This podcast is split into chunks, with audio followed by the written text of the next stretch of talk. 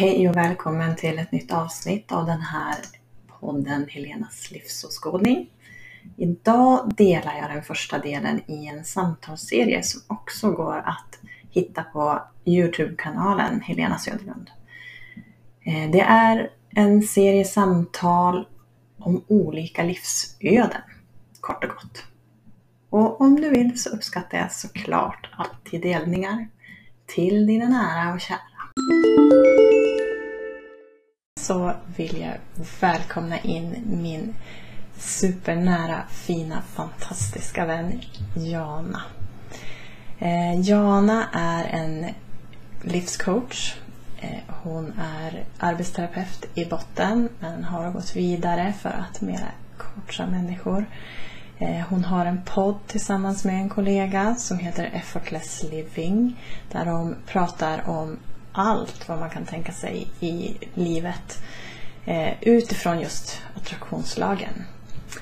Eh, otroligt inspirerande är den att lyssna på så det kan jag rekommendera. Hon har också skrivit en bok. Hon har flera böcker på väg.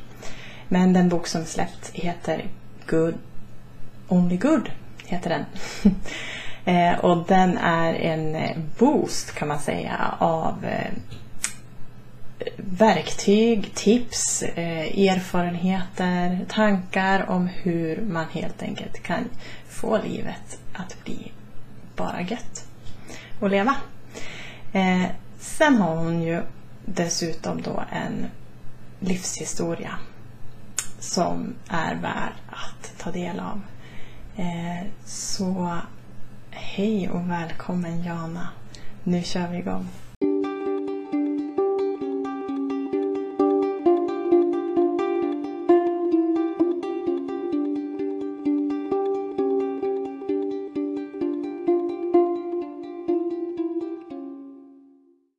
Men det är ju framförallt en, en erfarenhet som jag är väldigt nyfiken på, eller som jag tror att kan vara väldigt värdefullt för andra.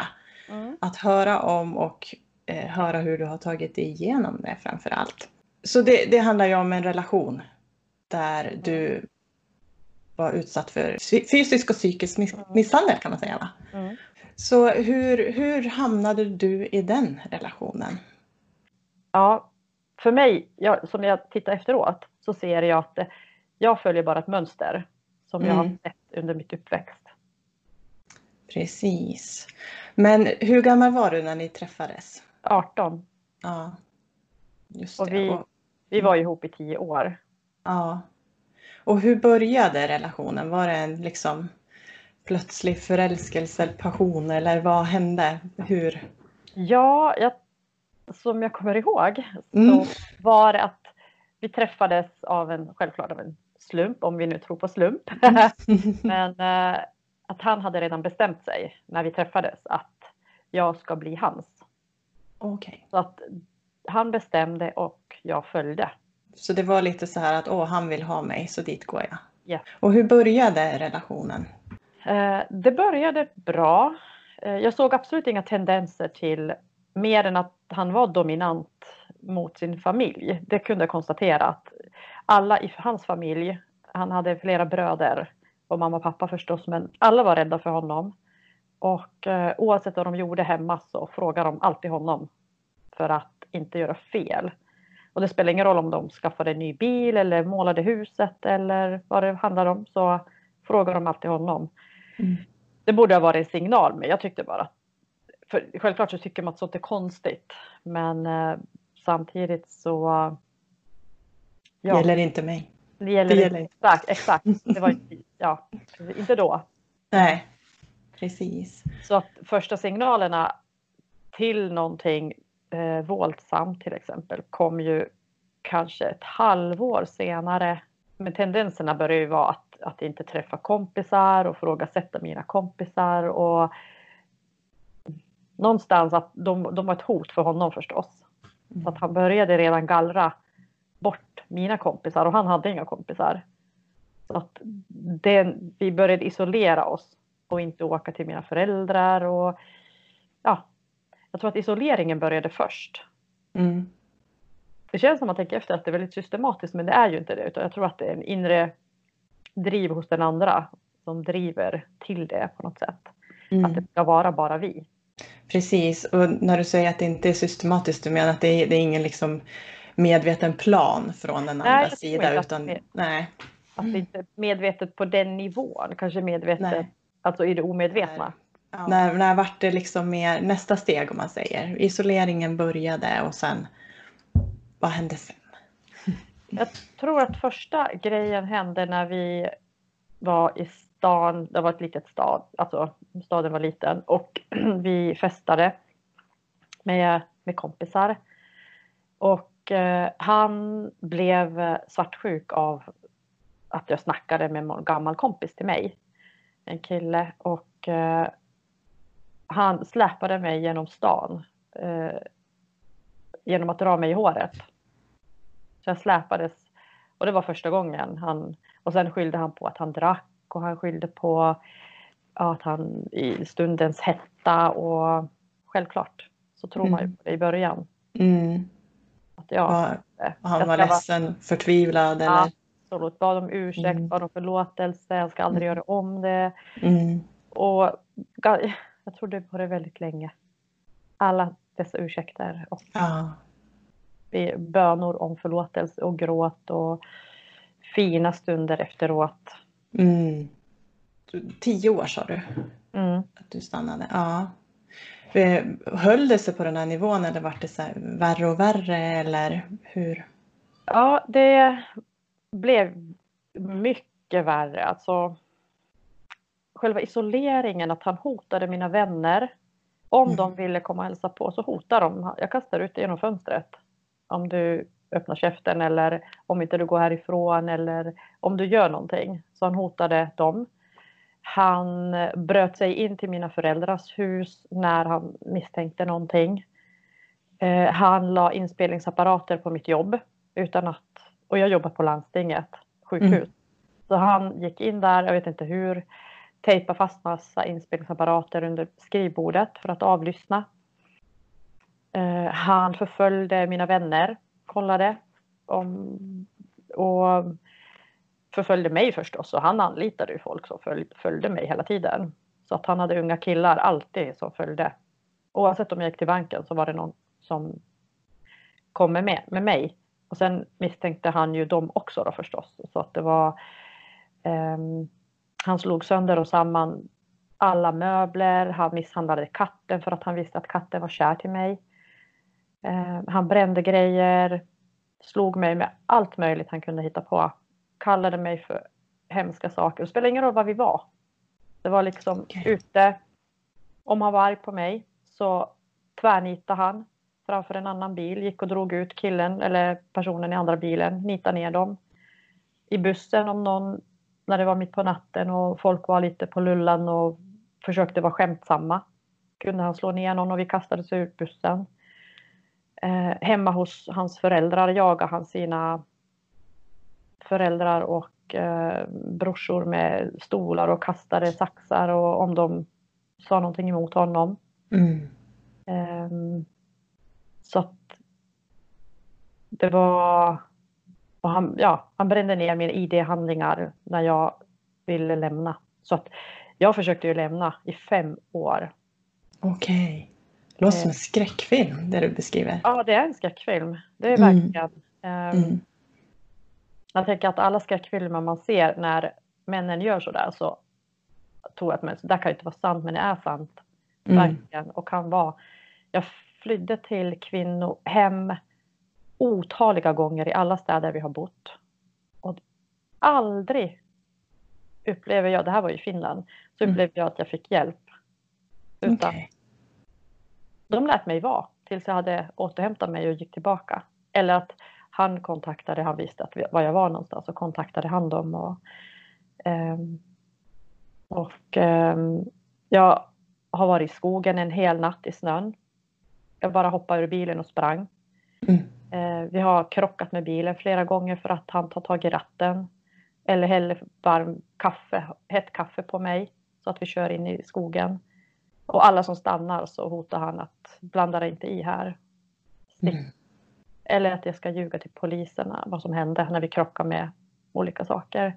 Det är så många stories här och hur mm. mycket jag täckte för alla. För mina föräldrar. Mina syskon anade någonting men jag skämdes ju att berätta. Och jag Mm. tänkte att om jag berättar så han kanske gör någonting mot dem. För att han var kapabel. Just det. Ehm, Han hade jättebra position på jobbet. Jag skulle kalla, jag tror att folk kallade honom för psykopat eller sociopat på jobbet. Mm.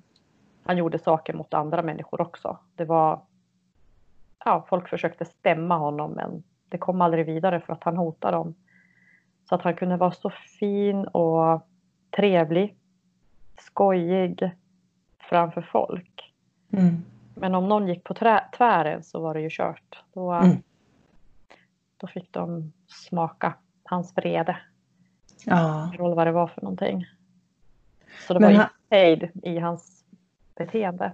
Nej, precis. Och verkar ju vara helt okontrollerad också eftersom det skedde offentligt. Mm. Och ändå var det ingen som kunde Ingen göra tordes- någonting. Nej, Nej. ingen tordes göra någonting. Nej. Och han skapade, ja, jag tror att han var så skoningslös och så obrydd, nej, ohämmad. Mm. Så att jag tror att han osade en energi som att jag kan göra vad som helst. Ja. Watch me. Mm. Gör du någonting så kan jag göra vad som helst. Jag har ringt poliser och de säger bara att "Men vi kan inte vakta dig dygnet runt. Mm. Och ja. Så att varje gång jag försökte fly så blev det bara värre när, när han fick tag i mig. Mm. Um, värre, värre för de som hjälpte mig Mm. och värre för mig. Han brände ju som sagt alla mina ID-handlingar. Han brände, jag fick aldrig ha pengar. Eh, inget kreditkort, ingenting som kunde hjälpa mig att dra. Just det. Så att, eh, ja. Hur, hur mådde du? Vad gör det med en människa att leva i en sån? Det bryter ju ganska snabbt ner självförtroendet, Mm. självkänslan, värdet som människa. Eh, och att där viljan att dö. Jag tror att fem år tänkte jag på att jag vill dö dygnet runt. Jag hade Mm. inget, det fanns inget hopp för mig. Ingen kunde hjälpa mig. Eh, han ändrade inte sitt beteende, blev bara värre. Och sen skulle jag ändå liksom jobba och leva livet i en slags... Alltså det, var så, det var som att jag var en, en statist i mitt eget liv. Mm. Jag gick till jobbet eller gjorde det jag gjorde men jag var inte där. Nej. Utan jag ville bara härifrån. Jag ville dö. Så att jag försökte ta livet av mig två gånger. Och båda gångerna misstänkte han någonting. Så att han lämnar ju inte mig länge själv. Ja, det ingår i bilden att han lämnade aldrig mig länge själv. Men jag misstänkte att jag hade en timme på mig. Så en gång var det med piller. Och så hade han anat någonting så kom han hem tidigare och skjutsade mig till sjukhuset. Okej. Eh, och det straffar han ju också. Att du, du ska inte försöka fly ens på det sättet. Så nästa gång var jag lite mer drastisk och försökte, försökte skära mig och då kom han också Mm. hem tidigare. Och sen började han övervaka mig hela tiden så att jag inte kunde göra någonting. Eh, och jag jobbade på, med hjälpmedel till exempel så hade jag tekniker som jag jobbade med så han förföljde ju dem för han trodde att jag hade någonting med dem att göra. Och hotade dem så att jag började märka att särskilt ja, men tekniker var ju killar så att de inte ville prata med mig på jobbet. Mm. Bara, ah, men det är ing-" Sen kom det fram att han hade varit där och hotat dem. Just det. Så att det skapade till mig en, han ville ju inte att jag skulle jobba överhuvudtaget. Sen slutade jag med det för det gick ju inte. Det var ju efter han hade lagt in en lyssningsapparat så insåg jag att, att jag är en hot för mina klienter. För patienter. Precis. För han sket ju i allt sånt där, alltså sekretess och Mm. Utan han var ju ute efter att höra bara om, om jag bedrog honom på något sätt. Eller, Mm. eh, ja. Så, och mest intressanta var det att han fick ju sådana anklagelser på sitt jobb att han tafsade sina Mm. medarbetare för han var chef. Han utsatte dem för så knasiga grejer. Och självklart, det han gjorde själv så misstänkte att jag gör. Precis, så som man känner sig själv ja. Precis. Eh, jag blir lite tagen känner jag. Mm. För det här är en del eh, i ditt liv som du inte gärna pratar om. Nej, det, ja precis. Jag, har ju, jag skrev någon gång på min hemsida att jag är inte min historia. Nej. Och när jag tittar på det bakåt när vi pratar nu, förut Mm. så, om du hade gjort den här intervjun, säg över, ja, kanske sju år sedan, så hade jag inte kunnat prata om det. Eh, Men nu är det som att jag berättar en film som jag har sett. Mm. Filmer, så knasiga sekvenser att till exempel att ja, men jag är en hel natt i skogen i snön.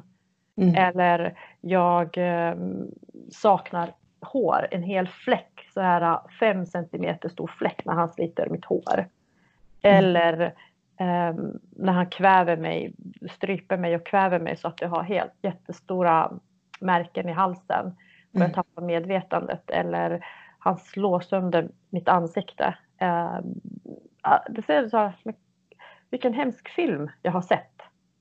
Det är verkligen Verkligen. en film. Att Ja. och jag kan prata om det. Det känns inte bra i kroppen när jag pratar om det. Nej. Men- Jag vet att jag har kommit över så mycket att jag kan se det så. Mm. Och se, inte min egen del att jag har, självklart är jag medskapare. Jag var kvar och jag tillät det ske. Mm. Men att jag, och jag anklagade ju mig själv så länge.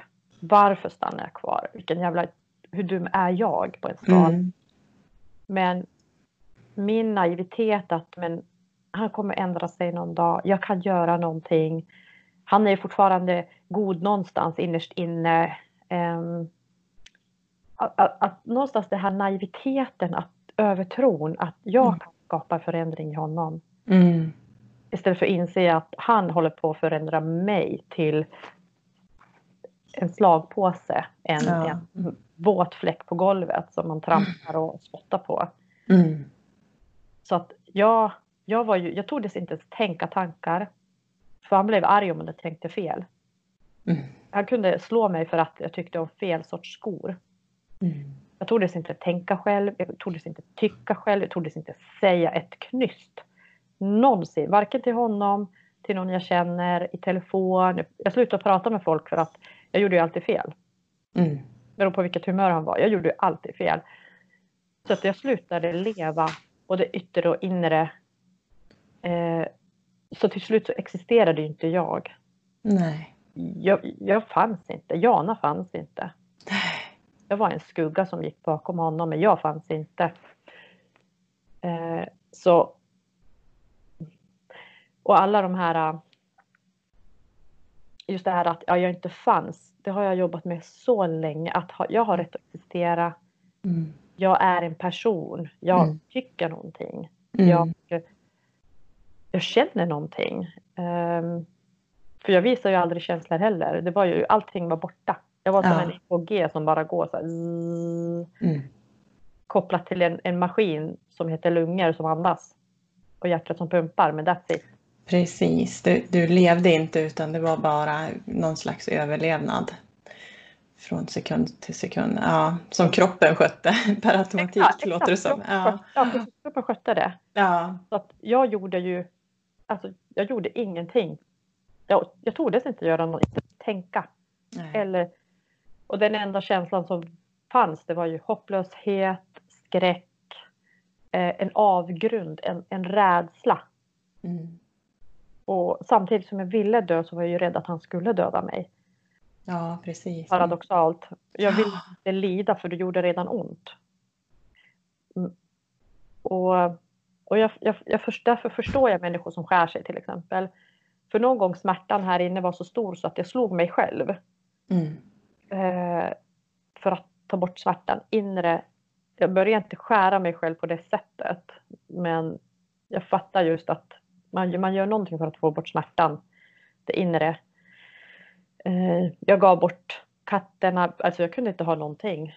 Nej. Var jag än värdesatt eller om han visste att jag värdesatt någonting så var det ju kört. Mm. Det spelar ingen roll om det var en vän jag värdesatt så hotade han dem. Mm. Katten fick så många smäll så att det var bara att ge bort katten eller bli av med den. Mm. Mm. Och sen alla lögnerna ut, utåt att varför har du blåmärken? Varför mm. sett dig på flera dagar? Eller varför? Ja, att täcka hela tiden mm. Eh, för det han gjorde. Precis. Vad var droppen? Eller hur, hur droppen förstår jag ju, den kom tidigt. Men hur tog du dig ur? Eh, jag tror att de sista åren var jag ett djur. Ett ja. djur som försöker överleva. Mm. Djur som ser, alltså någonstans, inte medvetet alls, men jag ser det nu att jag började registrera hmm, rutiner, tider och varje sån här halvtimme som jag hade blev en lucka för mig. Nu, kan jag, kan jag nu? Mm. Vad ska jag ha med mig? Och jag kunde inte förbereda någonting för han visste ju direkt om han såg någonting. Ja. Jag kunde inte förbereda någonting och eh, jag, jag försökte fly så många gånger men jag tror att han var och är var ett djur på sitt sätt, en, en, en rovdjur och jag mm. är bytet. Så någonstans var han så skicklig att känna in vad jag var. Alltså det var, för mig var det, nu fattar jag vad det är, attraktionslagen. Men då ja. fattade jag inte att jag skickade en signal av rädsla mm. som han snappade. Det var mm. som en, du vet, en blinkade, så här, ding, ding, ding, ding. Som en GPS. Och han följde den mm. med sin intuition.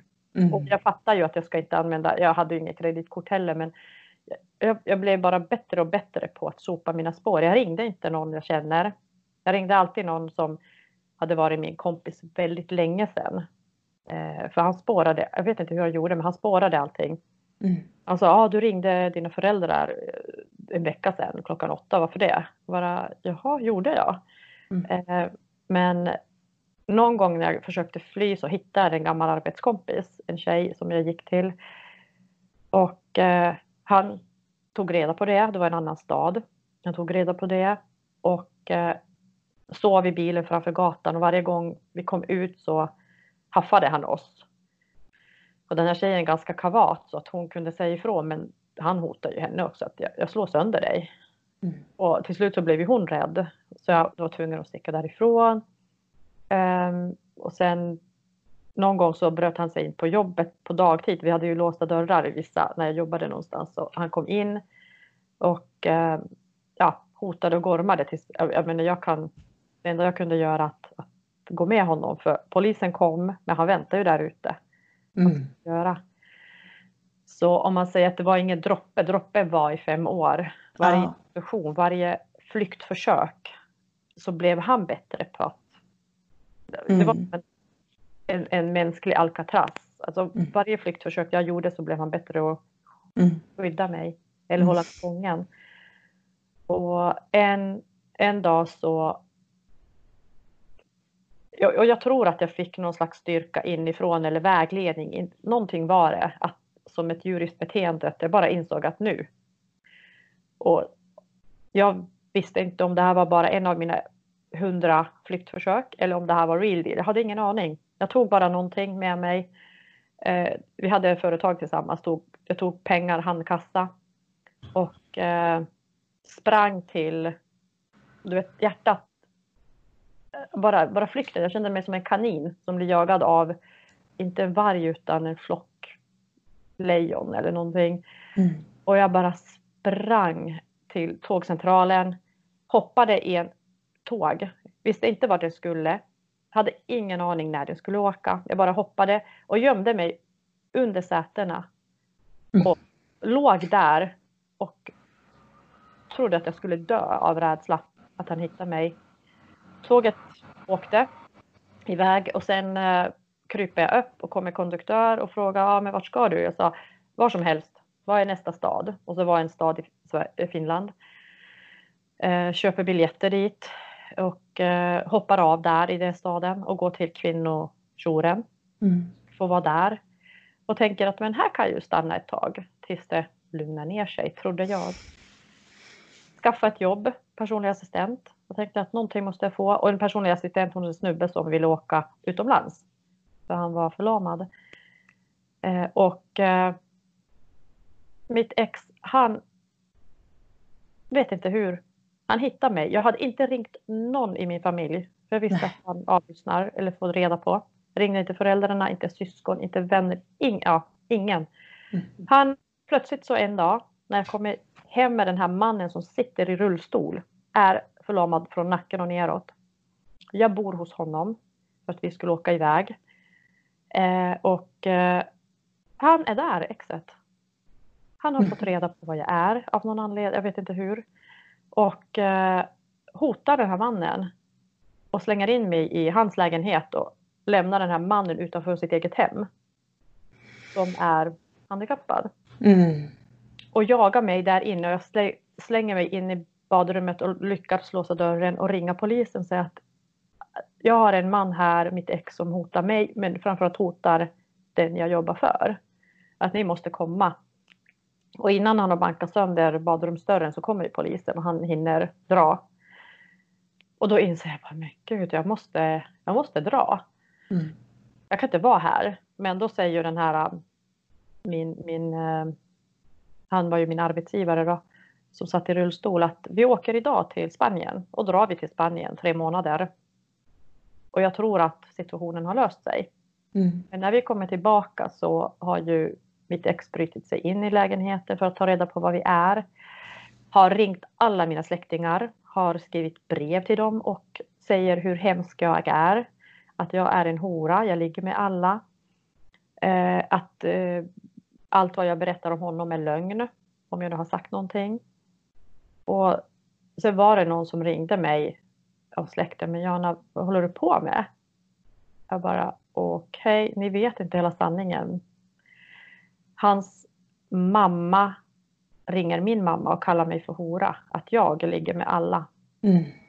Och min mamma bara, Jana jag vet ju att det inte är sant. Att de är knasiga hela familjen. Mm. Mamma verkligen försökte undvika den familjen.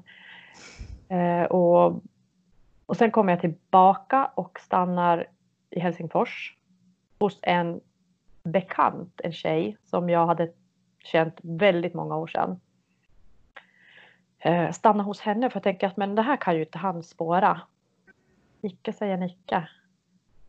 Han rå, rå, alltså Helsingfors är stort. Mm. Och vi, den här tjejen bodde utanför Helsingfors i en, ett samhälle. Han råkar köra bil där när vi går Men och herregud. ser oss. Stoppar bilen. Och du vet, jag och min ja, bekant då, kompis ser honom. Och du vet, vi blir två kaniner. Vi blir Mm. helt där. Vilket håll ska vi springa? Vad ska vi göra? Och jag sa till min kompis, spring någonstans. Mm. Och som tur är så kommer en polisbil också. Jag springer mot polisbilen, bankar i motorhuvan och skriker efter hjälp. Och de kommer och ser den här killen då. Och ehm, frågar vad är, vad är liksom problemet. Jag sa att han, han följer mig och han slår mig. Och ja, försökte bara skrika liksom att hjälp Mm. sätt. Och då tar de honom och säger till mig att det är bäst att du byter stad. Vi kan inte hålla honom hur länge som helst för vi har inte sett någonting. Jag bara eh, okej. Tack. Mm. Eh, och eh, i panik så vet jag inte vad jag ska göra så jag hoppar bara. Jag tänkte var, var ska jag? Jag kan inte åka till Finland någonstans för han, får, han, han hittar mig. Han har hittat mig två gånger i två olika städer. Mm. Eh, jag har ingen och, jag har, känner ingen och mer som jag kan liksom kontakta och vill utsätta för någonting. Eh, så jag hoppade i färjan, åker till Sverige. Och eh, min syrra bodde ju här då och halva familjen, eller släkten bor i Sverige. Och jag ville inte säga det till någon annan fast de visste ju det. Han hade ju ringt runt. Ja. Så åker jag till min, en av mina systrar då och eh, bor hos henne och stannar där. Och han försökte ju kontakta henne men hon bara la på. Hon sa att jag har ingenting med dig att prata så att hängde på. Och, och jag var ju rädd att han skulle komma så två år hade jag mardrömmar. Mm. Två år vaknade jag varje natt. Jag trodde att han var där. Jag trodde att han hade hittat mig. Eh, verkligen så här. Jag fattar ju nu att jag hade posttraumatisk stress och har, har Mm. lidit av det väldigt länge innan jag insåg att jag hade det. Mm. Och då började min resa. att Jag tänkte att men herregud, jag kan inte, jag kan inte jobba och vakna varje natt i, i svett, tårar, skräck, jag skriker. Ja, Jag hade Mm. alla symptom som man kan tänka sig. Mm. Jag åt inga mediciner och tog inga behandlingar whatsoever. Men sen tänkte jag att okej, jag kanske kan börja jobba med, med mig själv. Och då började jag gå hos eh, hypnosterapeut. Eh, och hittade en sån man, jättebra man. Och han, han sa till mig att Johanna, jag vet inte om jag kan hjälpa dig med det här. Att det är så mycket att man vet inte vad man ska nysta. Vet, han hade kanske inte hjälpt kvinnor i den sitsen men han sa att läs en bok som heter Samtal med Gud. Mm. Och det tog väldigt lång tid för jag var verkligen såhär, vadå Gud? Vad var Gud någonstans? När jag bad om Gud hjälp, vad var Mm. liksom, jag verkligen hatade allt religion och Gud och tänkte att det är bara skitsnack. Så jag, jag väntade länge innan jag läste det. Samtidigt kunde inte min hjärna släppa det för någonstans visste jag omedvetet att här är nyckeln till friheten. Ja. Och jag läste bok ett. Och jag kunde förlåta mig själv att jag var kvar och hade gått igenom det. Jag kunde förlåta honom. Inte kanske fullt ut. Mm. Men för mig var det så här en total vändning. Ja. Jag såg ljus i tunneln. Jag såg hopp. Jag såg eh, möjligheterna Mm. till självläkning. Mm. Så det var en början på en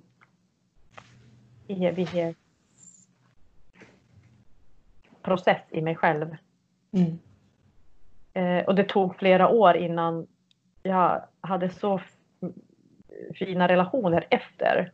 Alla mina relationer har varit hur fina som helst. Mm. Så jag har, gått, jag har övat mig att bli en människa, hel människa igen. Eller ha en personlighet, tycka till, ha Mm. känslor, våga säga något. Men jag tror att det tog ytterligare fem år. Två år hade jag mardrömmar. Fem år var jag rädd när någon lyfte handen nära mig. Ja. Det räckte att de lyfte handen för att plocka någon från skåpet och jag stod bredvid. Jag ryggade direkt och bara, ja just det. Mm. Oh, tack att det satt länge. Precis, det är de här cellminnena som bara reagerar på instinkt verkligen. Sitter så Absolut. djupt. Ja. Och det har suttit, jag menar, han våldförde sig även sexuellt på mig så det har ju suttit också länge in. Mm.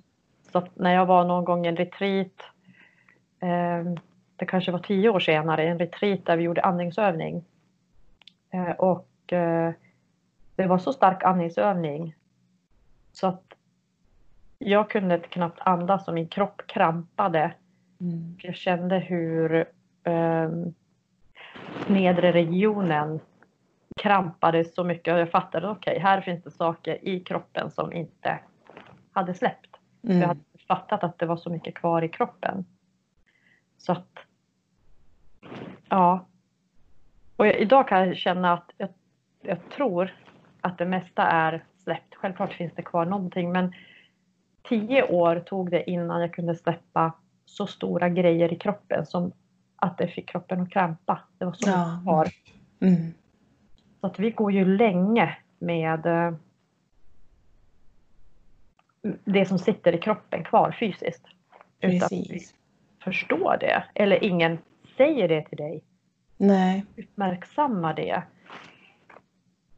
Så hade, ja, hade jag vetat att det finns hjälp att hitta så hade jag ju självklart sökt det tidigare. Men Mm. Mm. nu gjorde jag själv den resan att jag sökte och sökte och sökte och gick och olika kurser och behandlingar och allt möjligt.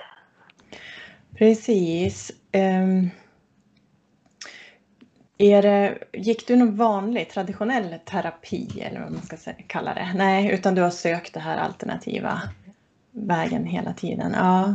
Och vi pratar ju så mycket, du och jag, om Mm. sånt här hela tiden. Och, och just det här när, när vi är med om någonting traumatiskt att många gånger så går det ganska lätt vad ska jag säga, att möta själva känslan eller Mm. möta, möta det på en, en själslig nivå. Men kroppen behöver mera tid. Den är Ja. långsammare. Där lagras det på ett annat Mm. sätt.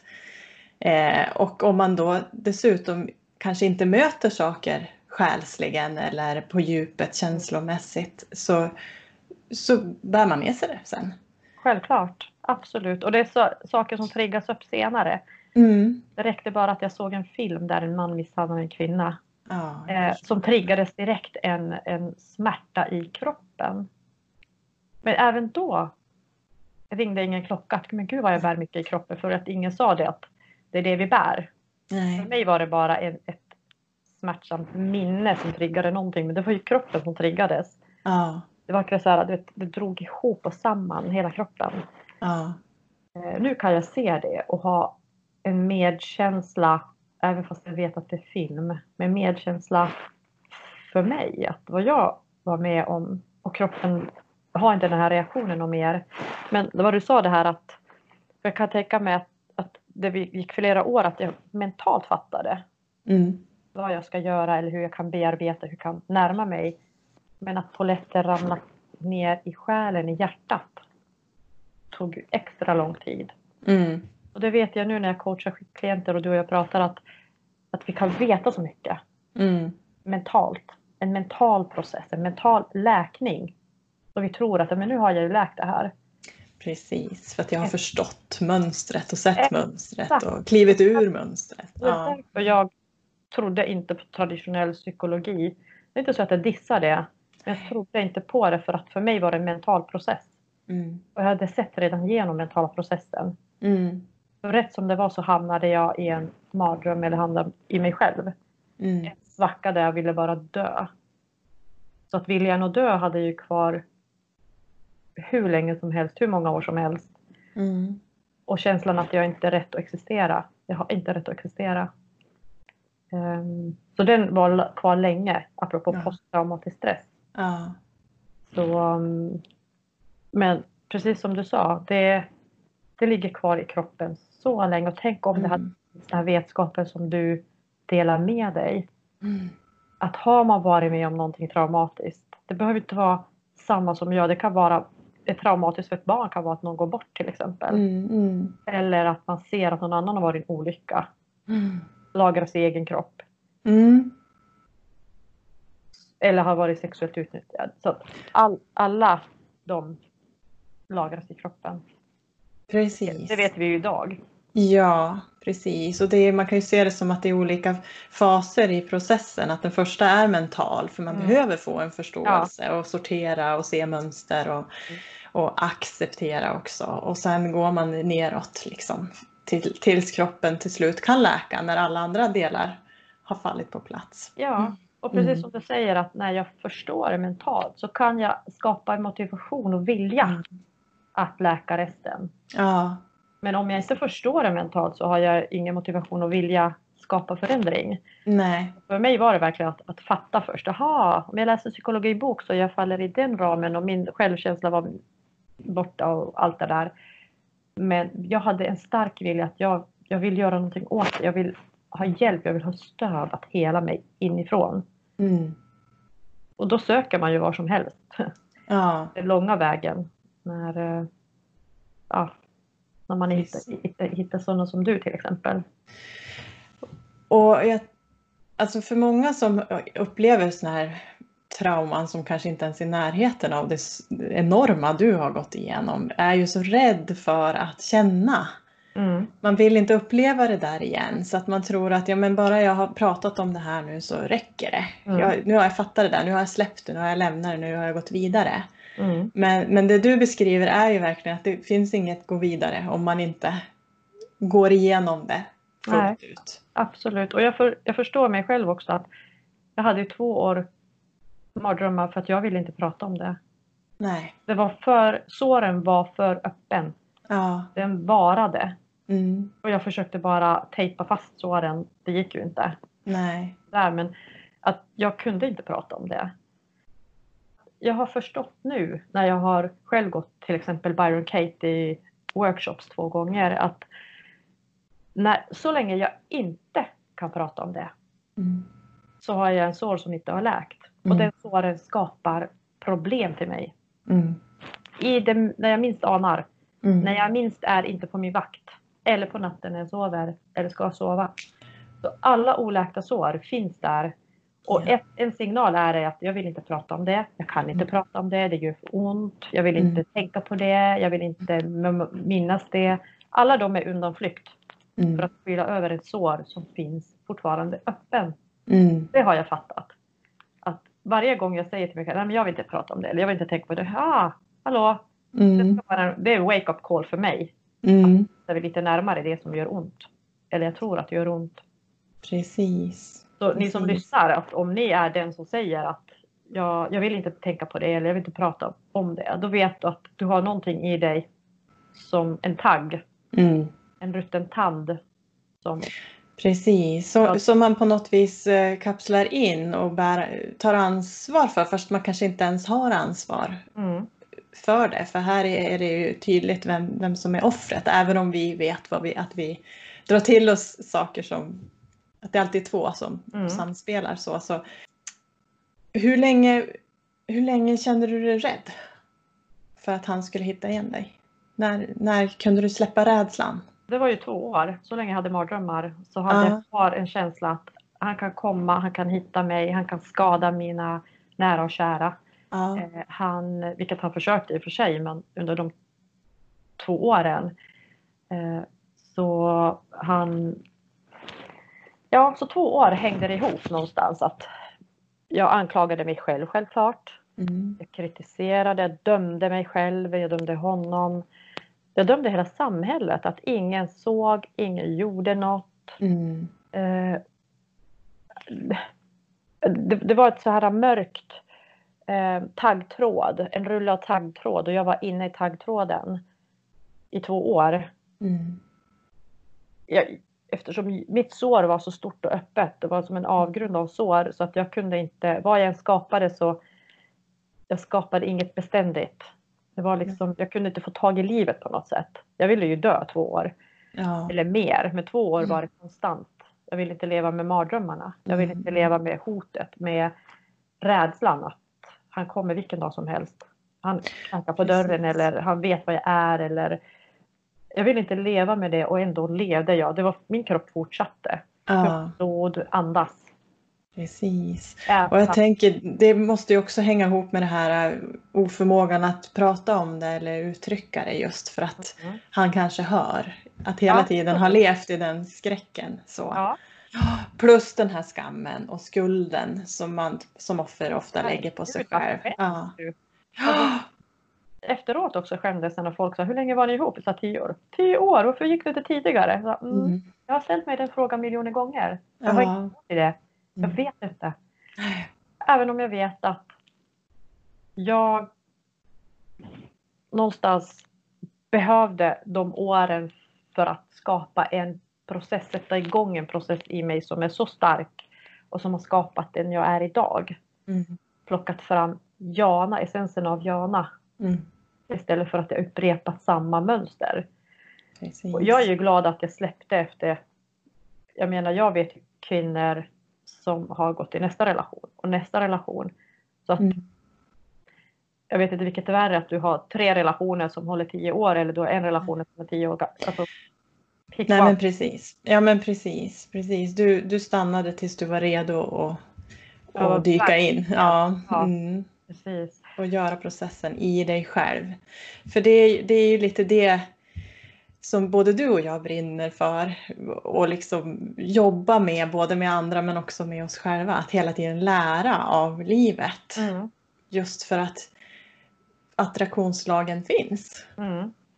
Det, det är inte så att det kan ju låta brutalt att säga att det finns inga offer och det finns Nej. inga förövare. Men, men det är ju lite så. Det är ju ett samspel. Det finns ingen förövare om ingen är villig att ta, ta sig an offerrollen och tvärtom. Och sen, eh, jag tror att det var samtal med Gud eller nionde insikter, jag kommer inte ihåg vilka böcker, men jag plöjde igenom allt jag kunde få bara i, i det området. Liksom. Ja. Själv, eh, utveckling, förändring, eh, släppa, omfamna, älska.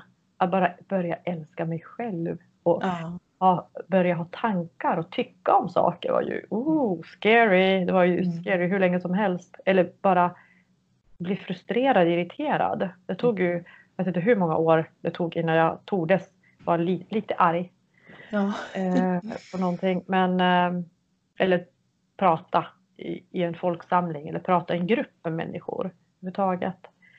Men, eh, men just det här att, att förstå att någonstans även innan vi kommer hit så har vi valt varandra. Mm. Alla relationer, vänskap och de vi kallar för fiender. Mm. Det som är jobbigt eller negativt, så kallat negativt eller eftersom jag inte tror att det finns positivt och negativt på det sättet, att någonting Nej. är rätt eller fel. Utan Mm. det, det är en upplevelse, sen gör vi Mm. något av det. Men eh, också att förstå att vi, vi väljer någonstans innan, det är min övertygelse. Att vi väljer de här upplevelserna. Och jag menar inte att det ursäktar någonting. Eller att det ursäktar att någon annan blir slagen. Jag har jobbat volontärt med kvinnor som har blivit slagna efter för att jag någonstans kände att jag vet ju ungefär vad de går igenom. Men ändå är vi unika. Mm. Eh, Men eh, jag kunde säga saker som jag hoppades att någon hade sagt till mig. Till exempel att du har alltid ett val. Mm. Du har alltid ett val. Mm. Jag visste inte att jag hade ett val. Nej. Han hade ju hjälpt dig att dölja de luckorna kan man säga. Exakt. Jag, jag hade ett val att stanna. Ja. Men jag kan verkligen idag ha, ha nästan en slags medkänsla för honom. För att han drevs ju av så starka, kalla det för demoner, Mm. så starka anklagelser, så stark, hans energi gick på att överleva sina egna alltså, vad säger Inre demoner. Ja. Ja. Mm. uppfattningar i sig själv. Känns Ja. som att han han kändes, kändes förmodligen att han inte var värt någonting. Om inte han hade kontroll eller makt eller Mm. eh, vad det nu var. Mm. Och när jag säger att jag har medkänsla när jag tänker på honom så betyder som sagt inte det att, att jag tycker att det är okej det han gjorde. Aldrig. Eller om jag har sett att någon beter sig så, så går jag emellan. Men inte genom att hata den som gör någonting. Nej. Utan mer att jag, jag tror att ni båda behöver hjälp. Kan jag hjälpa till med någonting? Mm. Och det har jag gjort. Jag, jag törs gå i en sån situation. Mm. När jag har hört att det, kvinnan skriker i grannen och barnen skriker och mannen skriker. Och så bara går jag och knackar att hej jag hör att ni skriker. Mm. Behöver ni hjälp? Vill ni att jag ska ringa någon? Så det gjorde ju mig mer uppmärksam att båda, oavsett vilken sida man är på, båda behöver hjälp. Ehm, nu har du nog lite svarat på den frågan men jag tänker just det finns ju många och jag vet att både du och jag möter människor som har en, en traumatisk, eh, ett traumatiskt bagage eh, som man lite använder som ursäkt. Det är inte så konstigt att jag mår så här för att jag har ju ändå varit med om det här. Mm. Vad, vad skulle du säga till en, en sån? För du vet. Mm. Du vet den upplevelsen men du vet också hur man går vidare. Mm. Och eh, jag ville kommentera där att när jag har coachat mina klienter och någon säger så till mig så brukar jag direkt poängtera att det där är en ursäkt. Att inte du Mm. vill släppa någonting. Det är en Mm. ursäkt att hålla dig kvar i offerheten. Och det är en Mm. ursäkt att, att folk ska tycka synd om dig, ta hand om dig. Jag, jag är verkligen ganska brutal om någon skulle komma med en sån ursäkt till mig. Mm. Eh, och vad jag vill säga är att se också det som ett eh, sym- symptom eller en tendens att, att du är förövaren över dig själv. Det är du Mm. som är dig i mattan. Det är du som inte vill utvecklas eller låta dig utvecklas. Det är du Mm. som vill fortfarande må dåligt. Mm. Eh, att, att någonstans sluta vara förövare för dig själv. Just det. För det är det vi är. Vi, det vi fortsätter beteendet. Vi, vi Ja. låter inte bli hela, vi låter inte må bra, frodas, eh, vara friska. Precis, och på något sätt så kan man säga att han, han då i ditt fall fortfarande skulle haft makten Mm. över Ja, dig och ja, styrt dig. Mm. Ja. Mm. Och som du sa, att det gäller alla trauman. Mm. Och även så att ni som ser och lyssnar, att har du en grej i livet där du skyller på Mm. i barndomen så betyder det att det finns någonting du inte tittar på. Mm. Det finns någonting och vänd för guds skull till Helena eller Mm. ja, Till dig eller mm. men just att någon med förtroende. Ja. Exakt, att stöd, stöd till Mm. förändring. Säg Mm. att, och även om inte du vet, du behöver inte veta ens hur du ska börja eller vad du gör. Lämna det till Mm. Helena, hon ställer frågor, hon hjälper dig, stöttar, guidar dig till Mm. att öppna. Öpp- Men du måste själv vilja och inse. Mm. Och kan säga att vet du, jag har någonting som hände men jag vill inte prata om det och jag vet inte riktigt var jag ska börja eller jag vet Mm. att det hände någonting. Mm. Det räcker. Mm. Storyn är ju ändå sekundär. Mm. Mm. Det, det som är nyckeln till läkning det är ju just att komma ner i kroppen och låta kroppen läka såren som bor där inne. Mm. Både känslomässigt och fysiskt. Mm. Och då, då kan vi använda den mentala storyn och mönstret för att komma åt det. Ja exakt. Men det är inte där processen ska ske. Men det är där som många fastnar. Mm. Och, och det, blir, det är ju jättejobbigt för att gå in i storyn och bara prata om den, det drar ju upp känslor. Mm. Det har ju du beskrivit jättetydligt här. Det drar ju upp känslor och det drar till slut upp fysiska upplevelser Mm. också. Mm. Eh, och om man då inte är villig att möta det, men då blir det ju bara jättejobbigt. Och bara, för det blir ju ett ältande som egentligen bara underhåller ett, ett mönster som aldrig får läka. Ja, och ältandet är, sker ju i sinnet. Ja, Det precis. är det sinnet är till för egentligen om man inte stoppar Mm. den eller matar den.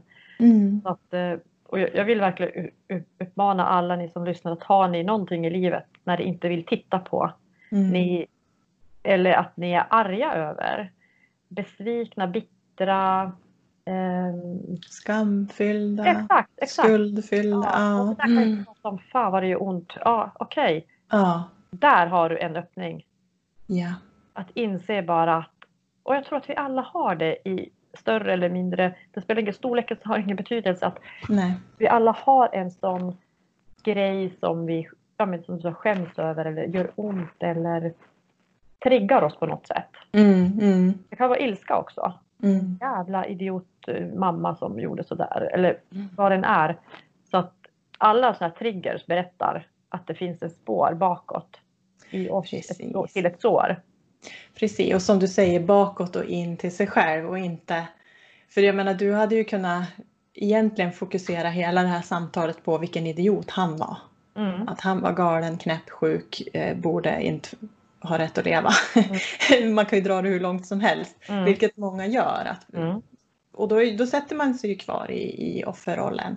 Ja. Istället för att säga att jag har varit med om det där och det väckte otroligt mycket smärta och jag fick med Ja. mig rädsla och symptom i min kropp som Mm. jag behövde ta ansvar för. Mm. Kan inte fortsätta leva och skylla på att det var han. Nej. Och de två åren som jag hade mardrömmar så jag försökte anlita någon som ska döda honom apropå hämnd. Mm. Eh, och, och sen vaknade jag till någonstans att men herregud, det är jag som råkar illa ut om, jag, om de märker att jag har anlitat någon. Ja. Och så kommer jag men ska jag straffa mig igen? Mm. Det bara så att de två åren var ju precis så där. Jag var offer, Mm. eh, jag ville ha hämnd, Mm. eh, hat. Och det är inte heller jag. Ingen av oss är det. Varken offer eller en hatisk person. Vi är kärleksfulla varelser. Så att för mig räckte de här två åren. Det var verkligen så här, ah, släppa en gegga på något sätt. Mm. När man släpper och förlåter.